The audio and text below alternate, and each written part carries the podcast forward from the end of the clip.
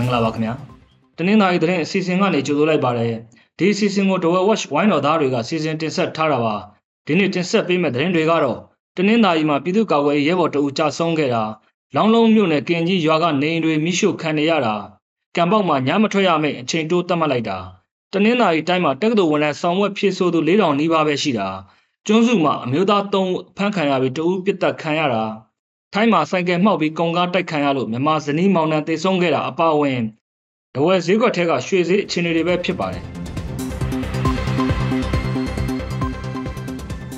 တနင်္သာရီမှာပြည်သူ့ကာကွယ်ရေးဘော်တူကြာဆုံးခဲ့ပါတယ်တနင်္သာရီမြို့နယ်ကစစ်ကောင်စစ်တပ်ဂေးစခန်းတစ်ခုနဲ့ရင်တန်းကိုမိုင်းဆွဲတိုက်ခတ်ပြီးပြန်လည်ဆုတ်ခွာချိန်မှာလက်နက်ကြီးနဲ့ပစ်ခတ်ခံရလို့ပြည်သူ့ကာကွယ်ရေးရဲဘော်တအူကြာဆုံးပြီးတအူဒဏ်ရာရသွားခဲ့ပါတယ်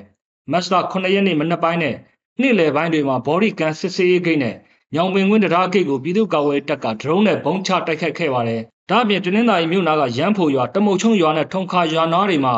စစ်ကောင်စီရင်နှန်းကို၃ကြိမ်မိုင်းဆွဲတိုက်ခိုက်ခဲ့ပါတယ်။ဒီလိုတိုက်ခိုက်ပြီးပြန်လည်ဆုတ်ခွာချိန်မှာတနင်္သာရီမြို့ကစစ်ကောင်စီတပ်ကညောင်ပင်ကွင်းကျွေးရွာကိုလက်နက်ကြီးနဲ့ပစ်ခတ်ခဲ့တာပါ။လက်နက်ကြီးကြီးကြားရောက်ပောက်ကွဲလို့ပြည်သူ့ကာကွယ်ရေးတပ်ကတပ်16နှစ်အရွယ်ရဲဘော်ကြာကြီးကြာဆုံးပြီးနောက်ရဲဘော်တို့လည်းဒဏ်ရာရခဲ့တယ်လို့သိရပါတယ်။ စစ်ကောင်စီတပ်ဘက်ကလည်းအကြဆုံးရှိတယ်ဆိုပြီးကြားသိရတယ်လို့ဒေသခံတွေကပြောဆိုနေကြပါတယ်။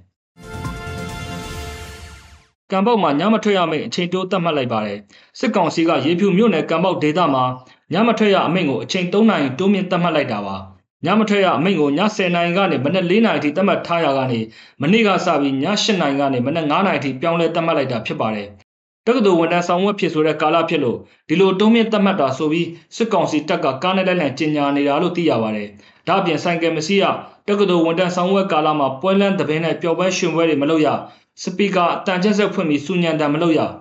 လူငါးဦးထက်ပုံမစုရစတဲ့အချက်တွေကိုပါတင်းကျပ်လာတာလို့သိရပါတယ်။စစ်ကောင်စီတပ်ကကံပေါက်ဒေသကိုဒီလိုမျိုးတင်းကျပ်လာလို့အခက်အခဲများစွာကြုံတွေ့နေရတယ်လို့ဒေသခံတွေကဆိုပါတယ်။ လောင်းလုံးမြို့နယ်ကင်ကြီးရွာကနေအိမ်တွေမိရှို့ခံရပါတယ်။လောင်းလုံးမြို့နယ်ကင်ကြီးရွာကနေအနည်းဆုံး9လုံးမိရှို့ခံရတယ်လို့ဒေသခံတွေကပြောပါတယ်။မတ်လ6ရက်နေ့ကပြည်သူ့ကာကွယ်ရေးအဖွဲ့နဲ့ကင်ကြီးရွာကပြူစောတိအဖွဲ့တို့တိုက်ပွဲဖြစ်ပွားခဲ့ပါတယ်။အဲ့ဒီနေ့ကနေအိမ်3လုံးနဲ့ဒီနေ့မွန်းတဲ့ပိုင်းမှာနေအိမ်4လုံးမိရှို့ခံရတယ်လို့သိရပါတယ်။ဒေသခံတွေကတော့ဘေးလွတ်ကထွက်ပြေးတင်းရှောင်နေရလို့ဒီနေ့မိရှို့ခံရတဲ့အသေးစိတ်အခြေအနေကိုမေးမြန်းနိုင်ခြင်းမရှိသေးပါဘူး။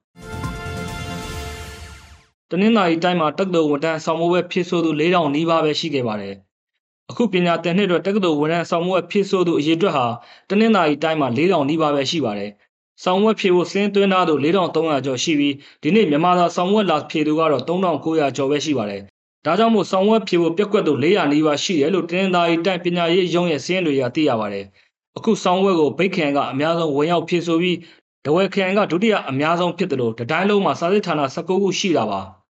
အခုပညာသင်နှစ်ဟာတက္ကသိုလ်ဝန်ထမ်းကိုစနစ်ဟောင်းနဲ့ဆောင်မွေးစစ်ဆေးတာနောက်ဆုံးနှစ်ဖြစ်ပါတယ်။ပြီးခဲ့တဲ့နှစ်ကတနင်္သာရီတိုင်းမှာတက္ကသိုလ်ဝန်ထမ်းဆောင်မွေးဝင်ရောက်ဖြစ်ဆိုသူ4400နီးပါးရှိခဲ့တာပါ။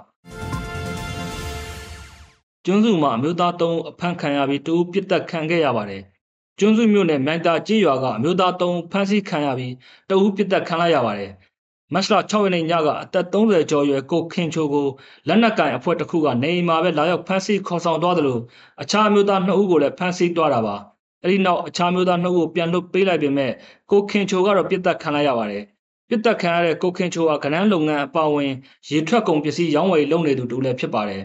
အရင်ကလည်းသူ့ကိုလက်နက်ကင်အဖွဲ့တစ်ခုကနှစ်ကြိမ်လာရောက်ခေါ်ဆောင်ခဲ့ဘူးပြီးပြန်လွှတ်ပေးခဲ့တယ်လို့သိရပါတယ်။လက်ရှိမှာတော့ကိုခင်ချိုကိုဘယ်အဖွဲ့ကဘလို့အကြောင်းအကြောင်းပြစ်တက်သွားတယ်ဆိုတာကိုမသိရသေးပါဘူး။နိုင်တာရွာဟာဗိတ်မျိုးကနေဆက်လီနဲ့၄နိုင်လောက်သွားရတာပါ။အရေးပေါ်လူနာတွေကိုရန်ကုန်ပို့ခြင်းပို့ဆောင်ပေးမယ်လို့ဒဝက်ခရိုင်ချက်ချင်ဒီအဖွဲ့ကဆိုပါတယ်။ဒဝက်ဒေသကနေရန်ကုန်မြို့ကဆေးရုံတွေကိုအရေးပေါ်လူနာပို့ဆောင်ခြင်းအကူအညီတောင်းခံနိုင်တယ်လို့ ဒဝဲခရိုင်တက်ချင်နေကြီးကြပ်မှုကော်မတီတာဝန်ရှိသူကဆိုပါတယ်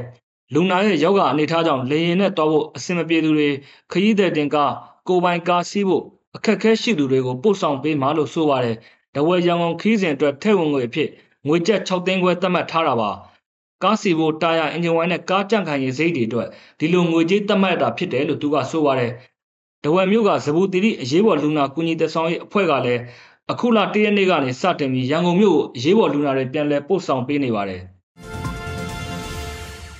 ထိုင်းမှာဆိုင်ကယ်မှောက်ပြီးကုန်ကားတိုက်ခံရလို့မြမဇနီးမောင်နှံတေဆုံးခဲ့ပါတယ်။ထိုင်းနိုင်ငံချွန်ဘူရီခရိုင်မှာဆိုင်ကယ်မှောက်သွားတဲ့မြန်မာလူသမားဇနီးမောင်နှံကို22ဘိန်းတက်တွဲကားချင်းဝင်တိုက်မိလို့တေဆုံးသွားပါတယ်။မတ်လ9ရက်နေ့ညနေကဖြစ်ပွားခဲ့တာဖြစ်ပြီးအသက်30အရွယ်မြန်မာဇနီးမောင်နှံတေဆုံးခဲ့ပါတယ်။ကုန်ကားမောင်းသူကိုဥရိယရေးယူဖို့ရဲစခန်းကိုခေါ်ဆောင်သွားခဲ့တယ်လို့ထိုင်းသတင်းတွေမှာဖော်ပြထားပါတယ်။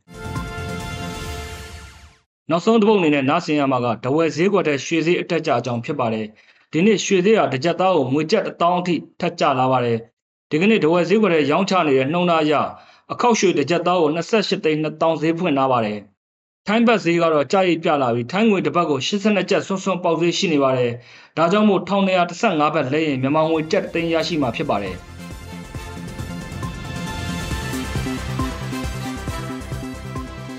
အခုလိုနားဆင်ပေးတဲ့အတွက်ကျေးဇူးအထူးတင်ရှိပါတယ်မြန်မာနိုင်ငံသူနိုင်ငံသားများကပ်ဘေးပေါင်းကအမြန်ဆုံးလွတ်မြောက်ပါစေလို့ဒဝဲဝက်ဝိုင်းတော်သားတွေကစုမုံကောင်တောင်းအပ်ပါတယ်ခင်ဗျာ။